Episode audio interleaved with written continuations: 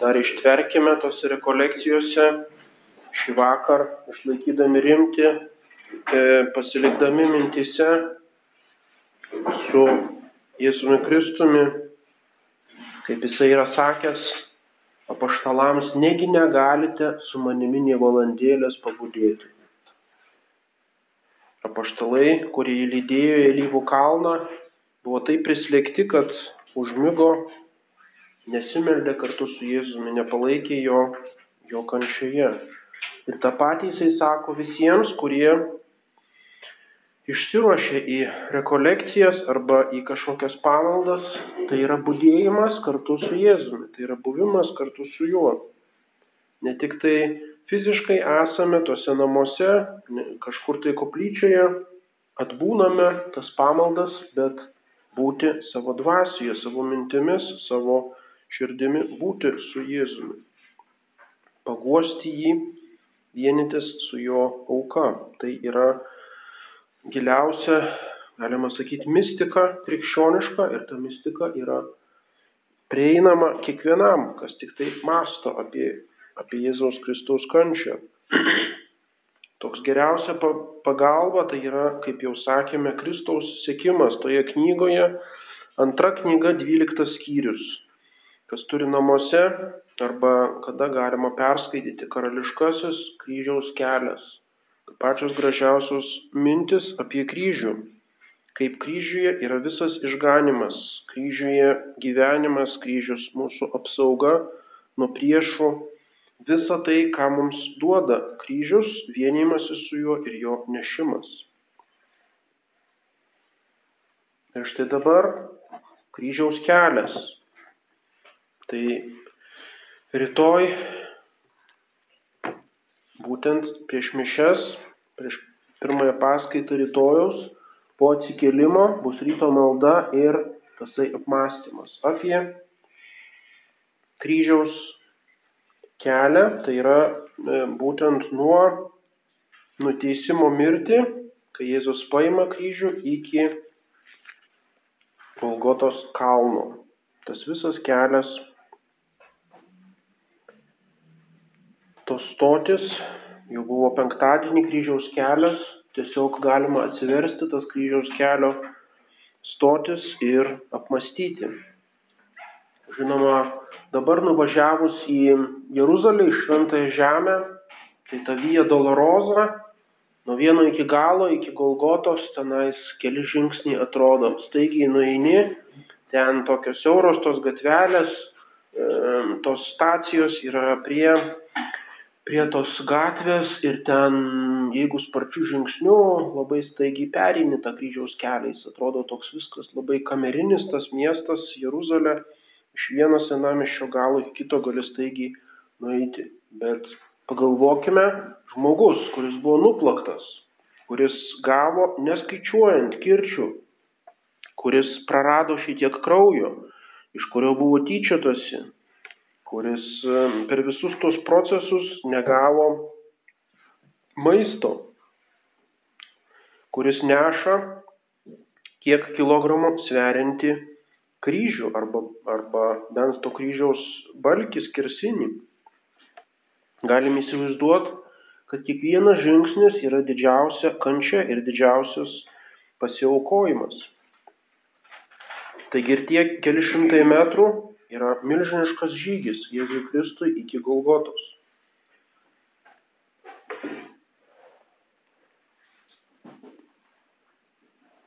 Viešpats Jėzus paima nešti kryžių. Juk po šito viso nuplakimo, po išsityčiojimo, tiek iškentėjęs, jis galėjo pasakyti, gana, nebeturiu jėgų, kodėl aš turėčiau nešti savo kančios įrankį. Tegul jie patys nuneša, jeigu nori mane nukryžiuoti, viskas, aš atsigulu, tegul neša mane ant neštuvų ir nukryžiuoja. Bet nieko panašaus, Jėzus Kristus norėjo iki galo atlikti tai, kas yra numatyta. Jis paima tą kryžiaus medį, su meile priima tą kančios įrankį. Ir yra žinomi brevijorijoje, liturgijoje tie žodžiai Švento Andriejaus apaštalo, kuris taip pat bus nukryžiuotas ant kryžiaus Kaip jisai sako, priimdamas tą kryžių, o brangusis kryžiaus medį, ant kurio buvo pakabinti mano išganytojo kūno nariai, turi esi pašventintas tais nariais. Aš tave priimu kaip brangiausią, brangiausią turtą, kaip išganimo, išganimo įrankį. Jis tą savo kankinystės įrankį priima su didžiausiu džiaugsmu, kaip, kaip draugą, kaip savo brangę naštą. Jeigu nori, kas nori eiti paskui mane, tai išsižada pats savęs, te paima savo kryžių ir tiesika manimi. Taip jis, taip sako viešpas, išsižada pats savęs, te paima savo kryžių.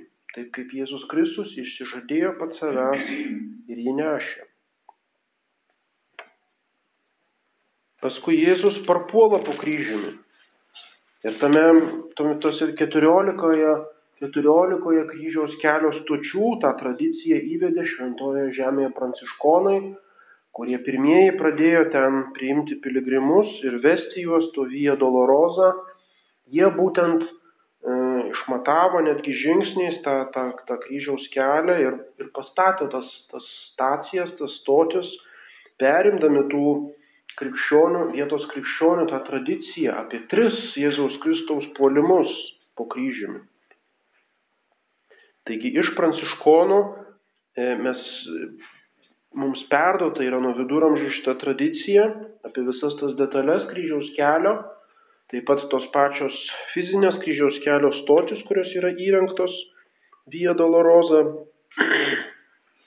Ir vėliau ta privilegija, kadangi musulmonai buvo užgrobę šventąją žemę, piligrimams buvo labai sunku ten nukeliauti, buvo duota popiežiaus privilegija tokias kryžiaus kelio stotis įrengti įvairiose vietose ir vėliau kiekvienoje bažnyčioje galime apeiti ir gauti tos pačius visuotinius atlaidus, kaip ir eidami šventoje žemėje.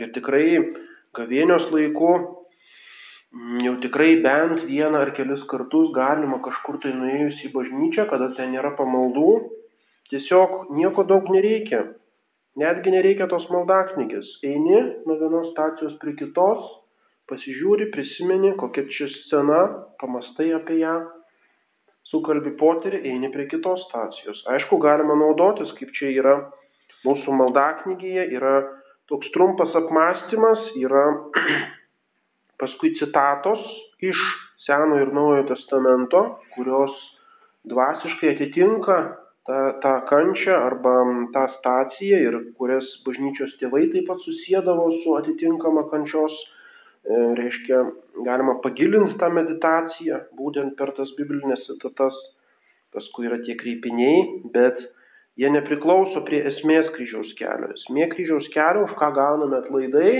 tai yra fizinis ėjimas nuo stoties prie stoties ir mąstymas. Už tuos du dalykus yra gaunami atlaidai. Jėzus parpuola po kryžiumi, kaip jisai išsekęs suklumpa. Kas jį prislėgė? Ne tiek pats kryžius, kiek mūsų nuodėmės, kiek ta dvasinė kančia, kuri nepalyginamai didesnė už kūno kančią.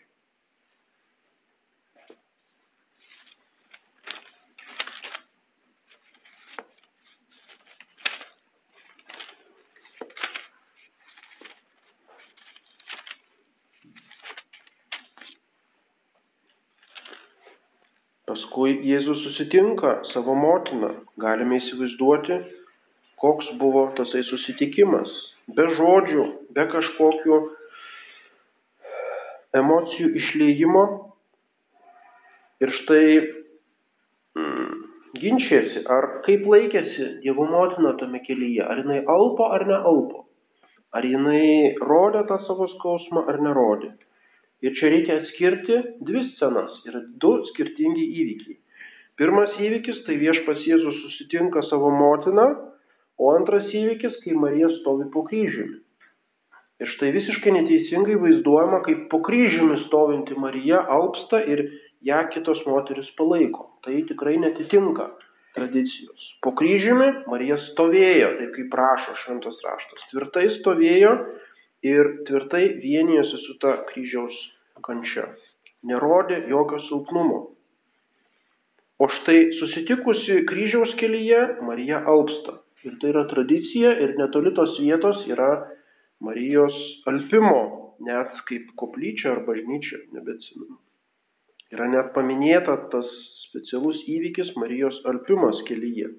Bet tai yra Jėzui nešant kryžių, o nebe, nebe vėliau jinai e, jau nerodo to silpnumo. Koks turi būti Marijos skausmas, kaip ji mato savo mylimą sūnų, kaip jinai žino, kad nėra jokios vilties jo žemiškam gyvenimui.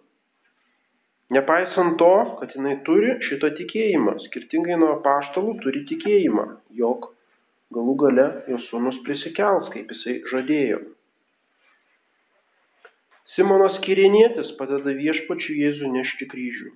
Tai yra kiekvieno iš mūsų atvejais. Mes einame savo gyvenimo keliu su savo reikalais. Tas kirinietis eina iš savo ūkio, užsijėmė savo žemiškais reikalais ir grinai atsitiktinai pasipainioja šitą procesiją su kažkokiu pasmerktuoju, tų pasmerktųjų gal ir anksčiau būdavo.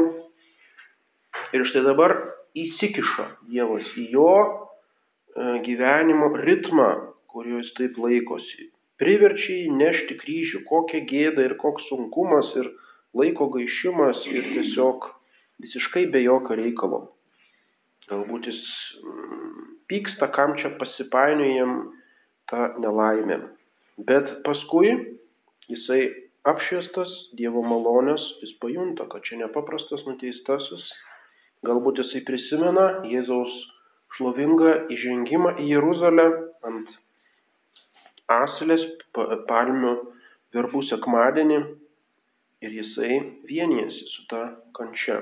Jis nori, neša kryžių, padeda nešti tiek, kiek kareiviai jam leidžia. Ir tai yra mūsų atvejais. Kai kada tiesiog mums visiškai netikėtai pasitaiko tokia proga, toks kaip Dievo išbandymas. Kaip aš dabar pasielgsiu? Ar aš priimsiu tą kryžių, ar aš tarkim atliksiu kokį nors artimo meilės darbą, kuris sutrukdo visus mano planus ir atima man ramybę ir iš, iš, išmuša mane iš įprastų vėžių, ar aš atsiribosiu, ar nenoromis tai darysiu. Tai yra mano pasirinkimas. Ar aš matau tą malonės momentą, ar jį praleidžiu. Toliau Veronika nušluosto Jėzui veidą ta Veronika, kurios vardo nėra Evangelijoje, bet tradicija ją taip vadina. Vera ikon, vera tikroji ikona, tikrasis atvaizdas, kurį Jėzus paliko toje drobulėje, Veronikos drobulėje, yra išlikusi ta relikvija. Parodo tą pilietinę drąsą, neišsigasta pagelbėti tam žmogui, kurio šventumą jinai mato. Viešpats Jėzus parpuola antrą kartą, jau išvestas iš miesto.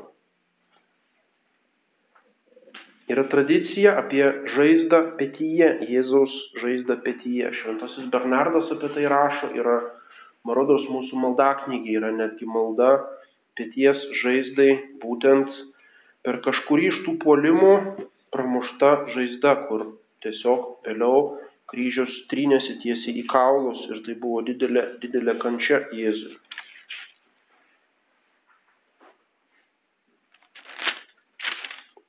Paskui Jėzus ramina verkiančias moteris. Viena vertus jis ramina, o kita vertus įspėja. Verkite ne manęs, bet verčiau savęs ir savo vaikų. Jeigu šitaip daro žalia medžiai, tai kasgi laukia sausuolių. Jėzus Kristus yra žalias medis, o sausuolis yra žydų tauta arba tas Jeruzalės miestas arba tie tų moterų vaikai. Ir kas laukia to, to sausuolio? Sunaikinimas Jeruzalės, kuri nepažino savo aplankimo meto. Sunaikinimas, kai bus žydai, visi, kurie bandė bėgti iš miesto nuo baisaus bado, buvo gaudomi romėnų ir kryžiuojami. Tai yra žydai pasmerkė vieną žmogų nukryžiavimui, o paskui buvo bausmė, kai buvo tiesiog šimtais kryžiuojami, kaip aprašo Jozapas Flavijus žydų kare ir netgi apylinkėje pritrūko medžių, kaip rašo, daryti kryžiams ir žydams kryžiuoti. O tie, kurie bijojo to, kurie pasiliko mieste, buvo toks badas, kad vėlgi rašo, kad motinos valgė savo, savo vaikus, reiškia žudydavo, virdavo ir valgydavo. Tai reiškia tos gailestingos, verkiančios moteris, kurios lėjo, lėjo tas ašaras žiūrėdamos į Jėzų, galbūt kai kuri iš jų paskui valgys savo pačios vaiką. Čia tą viską žinome iš to žydų istorijos. Tai yra baisus įspėjimas.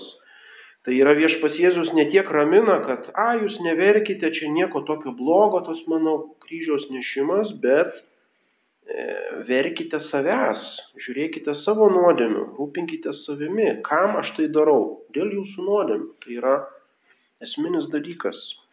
Ir tas pats galioja mums, visiems mūsų pamaldumo praktikoms, kryžiaus keliui arba mišioms, Turime ne sentimentaliai kažkaip tai ieškoti kažkokių pamaldžių jausmų, o turime iš tikrųjų žiūrėti, kam visa tai, kokie prasmė tų mišių, kokie prasmė tų visų pamaldų, kad pakeistų mūsų gyvenimą, kad iš tikrųjų realiai imtume vykdyti Dievo valią, kad atsiverstume, atgailautume. Jėzus parpuola trečią kartą. Ir jau dabar lipant į Kalvarijos tą kalvą, sakoma, kalnas. Žemaičių kalvarijoje jau yra tokia kalva, jau tenais jau reikia šiek tiek lipti. O jeigu kas Lenkijoje nuvažiuotumėte į Lenkijos tos kalvarijų kalnus, kalvarija Zebžidovska, kur yra pietų Lenkijoje, ten jau prieš Karpatus. Nu tai jau tenais įlipti į Golgotos kalną, tai jau reikia vos ne alpinistas turi būti. Ten didžiuliai kalnai ir tą visą kryžiaus kelią aš jau ten buvau pasišovęs eit, bet paskui pamačiau, oi, čia o aš niekur nesuspėsiu į traukinį, paskui nuėjau į kelias stacijas ir grįžau atgal. Tai jau ten nueiti tą kalvarijų kalną jau reikia, reikia gero pasiryžimo. O tas tikrasis Galgotos kalnas, nu tai buvo tokia aukštumėlė ir dabar iš tos Golgotos ten nieko neliko, tai yra ta prisikėlimo bazilika ir vienoje jos pusėje yra vieta, kur prisikėlimo vieta ta grota, o kitoje pusėje yra toksai biški laiptais palipi ir tenais yra Golgota, kur yra kryžiaus vieta. Taigi tas visas kalnas buvo taip nutašytas ir toje vietoje pastatyta prisikėlimo bazilika. Taigi tas kalnas nėra taip, kad jam reikėjo į labai ypatingai lipti tą kalną, bet vis tiek netgi ir ta kalvelė, kai jo kojos vos, vos paneša tą kryžiaus naštą, tai buvo trečiasis Jėzaus puolimas po kryžiumi. Ir galiausiai Kalvarijos kalnas, apie tai bus paskaita rytoj. Ir dabar tiesiog kur ta kalvarija yra mišiuose, kur yra tas svarbiausias momentas, tai žinoma yra e, kanonas, mišių kanonas, konsekracija. Tai yra ta kulminacija, ta Golgotos viršūnė, kur vyksta mūsų išganimo darbas. Tiesa dar yra maldaknygėje, galite atkreipti tokia įdomi 129 e, puslapis Kristaus kančios apmąstymas per mišes tai yra e, perrašyta iš aukso altoriaus. Yra tokia lietuviška maldaknygė, kuri jau nuo 18 amžiaus daugybė buvo laidų, galima sakyti, visą 19 amžių mūsų protėviai meldėsi iš to aukso altoriaus. Ir tenais yra e, maldos kiekvienam kunigo žingsniui, vos ir pasisukimui reiškia, tos simbolikos, kuri nėra šiaip savo išgalvota tos maldaknygės kurėjo, bet jinai remiasi popiežiaus Inocento e, traktatu apie mišes, kurisai atskleidžia mišių mistinę prasme, iš dalies remiantis būtent Inocentų III yra e, kiekvienas tas kunigo žingsnis yra atskleista jo tokia simbolinė simbolinė tokia mm, ryšys arba susijimas su, e, su Kristaus kančia. Kunigų išeinant iš Zakristijos pamastyk, kai viešpats ėjo, Jėzus ėjo su savo mokiniais į alyvų sodą ir kalbėk. Ir taip toliau, paskui mm, tos laiptų maldos ir taip toliau, kiekvienam tam žingsniui, tai čia jau tikrai reikia labai skubiai tas maldas kalbėti, kad suspėtum kiekvieną tą žingsnį. Tai jau geriau jį ne mišių metu, o geriau prisimenant mišes, tuos visus žingsnius kunigo atskirai, ramiai apmastytą kiekvieną punktą, tikrai labai daug dvasinės naudos yra atsiskleidžia ta visa mišių simbolika. Ta gavienės metu tas Kristaus kančios apmąstymas labai naudingas. Ir dabar mišių kanonas. Mišių kanonas, kan, kanon graikiškai reiškia taisyklė, tai yra tokia kaip nekintama taisyklė. Tarkim, graikų architektūroje kanonas Tai yra tas jonieninis, koreninis, doreninis tie orderiai, kurie nesikeičia. Per šimtus ir tūkstančius metų yra centimetrais išmatuota absoliučiai aiškios proporcijos, kurios niekada nesikeičia. Ir architektai jas tiesiog taiko. Žinoma, įvairiomis kombinacijomis ir dydyje. Ir panašiai yra kanonas mišiose. Arba yra bažnyčios kanonų teisė. Reiškia, kanonai kaip nekintamos tokios taisyklės. Mišių kanonas švenčiausia ir pati seniausia mišių dalis. Ir tas kanonas, kaip sakėme, yra lyg Kalvarijos kalnas, lyg Golgotos kalnas, tiesiog visa jo struktūra, dabar nėra kaip čia ją piešti, bet tai yra grinai kaip kalno, kalno struktūra. Papėdėje yra iš pradžių sanktus, sanktus, sanktus, o paskui yra toksai paveikslas, e, atsiverti mišiolą yra paveikslas su nukryžiuotojų kryžius. Ir paskui sekančiame puslapyje prasideda mišių, mišių kanonas ir tas kanonas prasideda žodžiais te įdžitur. Ir tas te tai yra ta raidė, kuri senoviniuose mišiolose yra labai įspūdingai iliuminuota ir aprašyta, kadangi ta raidė tai yra kaip kryžius. Reiškia, kanonas prasideda nuo nuo kryžiaus simbolikos. Arba graikiška tau, e, kuri būtent visoje pir, pir, pirmosios bažnyčios krikščionių simbolikoje tau raidė, kurinai pasitaiko, yra siejama su Kristaus kryžiumi. Taigi te įdžitur, malda už bažnyčią, minėjimas už gyvuosius, šventųjų paminėjimas ir paskui konsekracija, tai yra tokia kaip viršūnė, o paskui nusileidimas nuo to kalno, maldos po konsekracijos, minėjimas už mirusius ir e, nobis kokio pekatoribus. Ir štai jeigu tas maldas taip surašytume eilės tvarka, bet surašytume taip kylančiai iki konsekracijos ir paskui besileidžiančiai po konsekracijos. Tai yra grinai atitikimas. Tai reiškia, pačioj pradžioje yra malda už bažnyčią, melžiamasi už popiežių, mūsų vyskupą, ir pačioj pabaigoj yra per quem hic omnia, per ir taip toliau.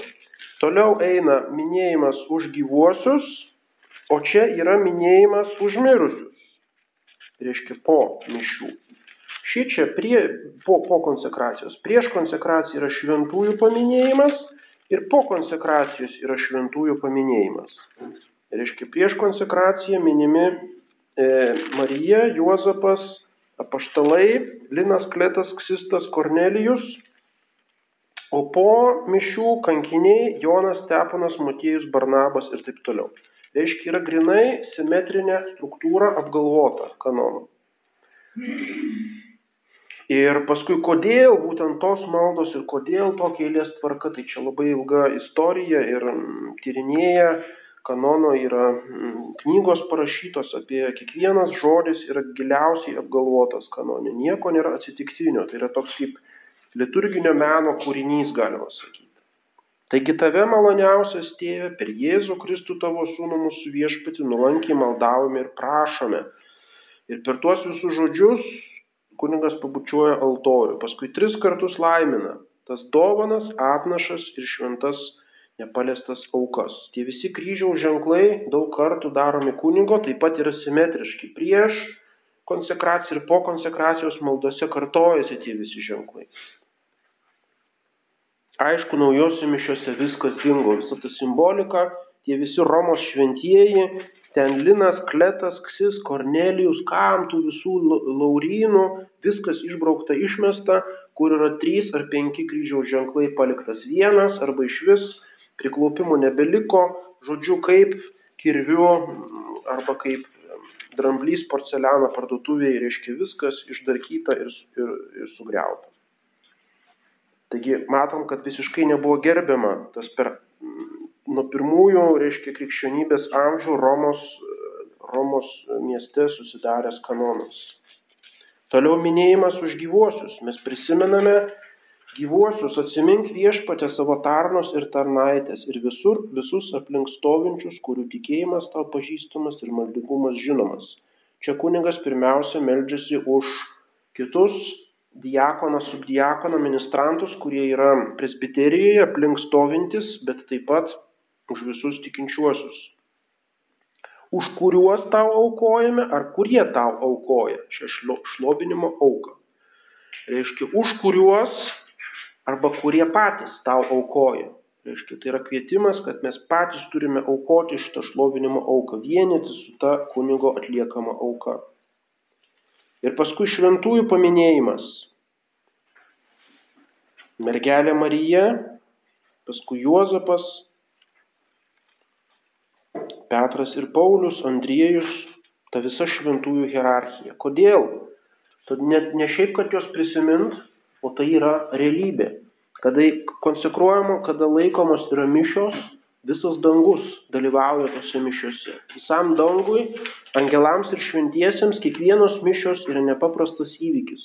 Galima iš tikrųjų įsivaizduoti, ne tik įsivaizduoti, bet suvokti tą realybę, kad štai dabar lyg atsiveria dangus ir su mumis visi tie angelai ir šventieji garbina tą avinėlį, kuris paukojamas ant, ant altoriaus.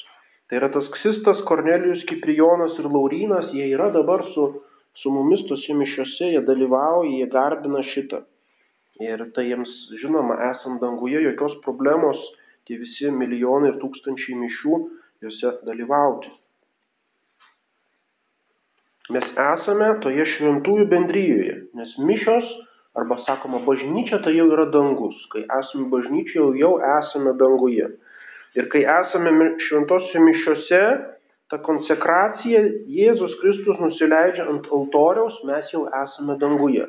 Nes dangaus definicija tai dangus yra ten, kur yra Dievas, kur jisai veikia, kur dalina savo malonės. Ir štai jeigu čia atsiranda Jėzus Kristus, tai mes esantis prie to altoriaus, mes jau esame tarptų visų šventųjų, mes esame toje antgamtinėje realybėje. Tie angelai, mūsų angelai sargai, mūsų šventieji globėjai, tie Romos visi senieji šventieji ir taip toliau, visi jie yra čia. Arba tas šventasis, kurio garbiai laikomos mišios. Mes turim suvokti tą antgamtinę realybę. Nedairytis į savo kaimyną, kuris ten šnerkščia nosimi kaip nors ar mums trukdo ar išsiblaškęs, bet žvelgti į tuos šventuosius, į tuos angelus, kurie adoruoja tą avinėlį. Paskui tą šią mūsų tarnystės, tavo šeimos auką palankiai priimk. Kunigas ištiesia rankas virš atnašų, tai kaip Sename testamente kunigas ištiesdavo virš aukojamo gyvulio, virš avinėlio savo rankas. Tai yra paskyrimas aukai, atnašai. Šią atnašą melžiame tave Dieve, teikis padaryti visais atžvilgiais palaimintą, įrašytą, patvirtintą, vertą ir priimtiną Tai yra terminai iš Romos teisės. Mums net čia reikia atskiro traktato išsiaiškinti, ką tai reiškia įrašyta auka ir patvirtinta auka ir kuo skiriasi visi tie terminai. Čia viskas siejasi su Romos teisinė terminologija. Ir paskui kančios išvakarėse jis paėmė duoną į savo šventas ir garbingas rankas. Pabrėžiamas tos, tos rankos. Pakėlęs akis į dangų, į tave tėvę, savo visagalį tėvą, kuriam būtent ta auka atnašaujama. Tau dėkodamas, dėkodamas, tai yra Eucharistein, reiškia Eucharistija, laimino, laužė ir davė savo mokiniams tardamas, imkite ir valgykite juos visi. Ir šitie žodžiai, imkite ir valgykite juos visi tradicinėse įtikose, nepriklauso konsekracijos žodžiams. Tai yra tas pasakojimas prieš O štai dabar prasideda tikrieji konsekracijos žodžiai, nes tai yra mano kūnas. Panašiai po vakarienės jis paėmė šią brangiausią taurę į savo šventas ir garbingas rankas. Preklarum kaličiam. Taigi galima tikrai įsivaizduoti, kad ta taurė nebuvo kažkoks dubenėlis, kuris paskui buvo padėtas į šalį. O yra šita visa tradicija apie šventąjį gralį. Gralis reiškia sangrial, tas tikrasis kraujas, kuris buvo tame, toje taurėje, kad ta taurė reiškia buvo perdodama apaštalų, iš jos joje buvo konsekruojama, vėliau mišiuose apaštalų ir vėliau jinai perėjo, yra ištisa ta, reiškia, visos tos legendos apie gralį, kaip jinai, kokį reikšmę jinai turėjo viduramžiais ir paskui dabar, aišku, prikurta visokiausių samokslo nesamoningų teorijų, kur iškreipia visą tą gralio legendą arba ją kažkaip profanuoja. Tau dėkodamas laimino davė savo mokiniams tardamas, imkite ir gerkite iš jos visi, nes tai yra taurė mano kraujo naujosios ir amžinosios sandoros. Tai yra naujoji ir amžinoji sandora arba testamentas, novi et eterni testamenti. Ką mums palieka Dievas tuo testamentu? Senasis testamentas praėjo, jis nebuvo amžinas, tai buvo tik tai provaizdis Tai buvo ta sutartis tarp Dievo ir žydų tautos, kad ta žydų tauta per amžius pasiruoš mesijo priėmimui. O štai dabar ateina naujoji ir amžinoji sandora arba sutartis su naujosios, amžino, naujosios sandoros tauta, išrinktąją tauta, naujoji išrinktoji tauta, tai yra katalikų bažnyčia, visi tie, kurie priima krikštą. Ir tai vadinamoji substitucijos teorija, pakeitimas, kad katalikų bažnyčia pakeičia žydų tautą. Ir žydų tauta kaip religinė bendruomenė nebeturi egzistencijos teisės, jinai turi įsilieti tą bažnyčią. Tai buvo apaštalų pastanga, kad žydai atsiverstų, kad jie priimtų savo mesiją, priimtų tą naują sandorą, sudarytų su Dievu ir įsilietų į naująją naują tą bendryją, išrinktųjų bendryją, kurioje galioja jau visai kiti įstatymai, kurie yra kita auka, nebe avinėlių aukos, kurie yra mišios vietoj žydiškų sinagogos pamaldų. Ir dalis žydų atsivertė ir tai buvo pirmosios krikščionių bendruomenės, bet diduma žydų to nepriėmė. Ir štai dabar oficialiai bažnyčioje atmetama ir pasmerkiama substitucijos teorija, kad nebuvo šito pakeitimo, kad žydai toliau yra išrinktoji tauta ir jie toliau gali atlikti visas savo apeigas ir jiems, reiškia, per tai bus išganyti. Žinoma, tai yra atmetimas pačios Evangelijos esmės šitos pakeitimo, kad mes esame tikrieji žydai, mes esame tikroji išrinktoji tauta katalikai. Tikėjimo paslaptis. Šitie žodžiai pradingo iš naujosios konsekracijos formulės, jie buvo perkelti vėliau, jau nebe konsekracijos formulėje. Nors šventasis Tomas Akvinėtis savo sumoje sako, kad šitie žodžiai kyla iš apaštalinės tradicijos gautos iš Jėzaus Kristaus. Taigi šitų žodžių nėra e, Evangelijos tekstuose,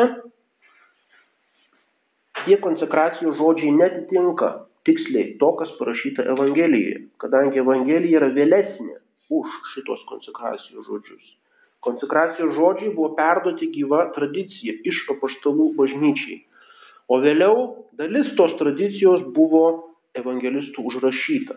Ir todėl negalima taip argumentuoti, kad e, reikia šitos žodžius e, suviblinti arba padaryti tokius, kaip kad užrašyta Evangelijai. Tai būtent visiškas nesupratimas eilės tvarkos tarp tradicijos ir Evangelijos. Evangelija yra vėlesnė už tradiciją. Tikėjimo paslaptis priklauso šitai sen, seniausiai Romos tradicijai, Romos ritualui. Ir jų iškelimas iš konsekracijos formulės yra visiškai nepateisinamas. Ir jau kalbėjome, kuris už jūs ir už daugelį bus išlietas nuodėmėms atleisti ne už visus, o už daugelį. Kiek kartų tai darysite, darykite mano atminimui. Ir paskui maldos po konsekracijos, minėjimas užmirusius, prisiminimas tų likusių šventųjų ir taip toliau.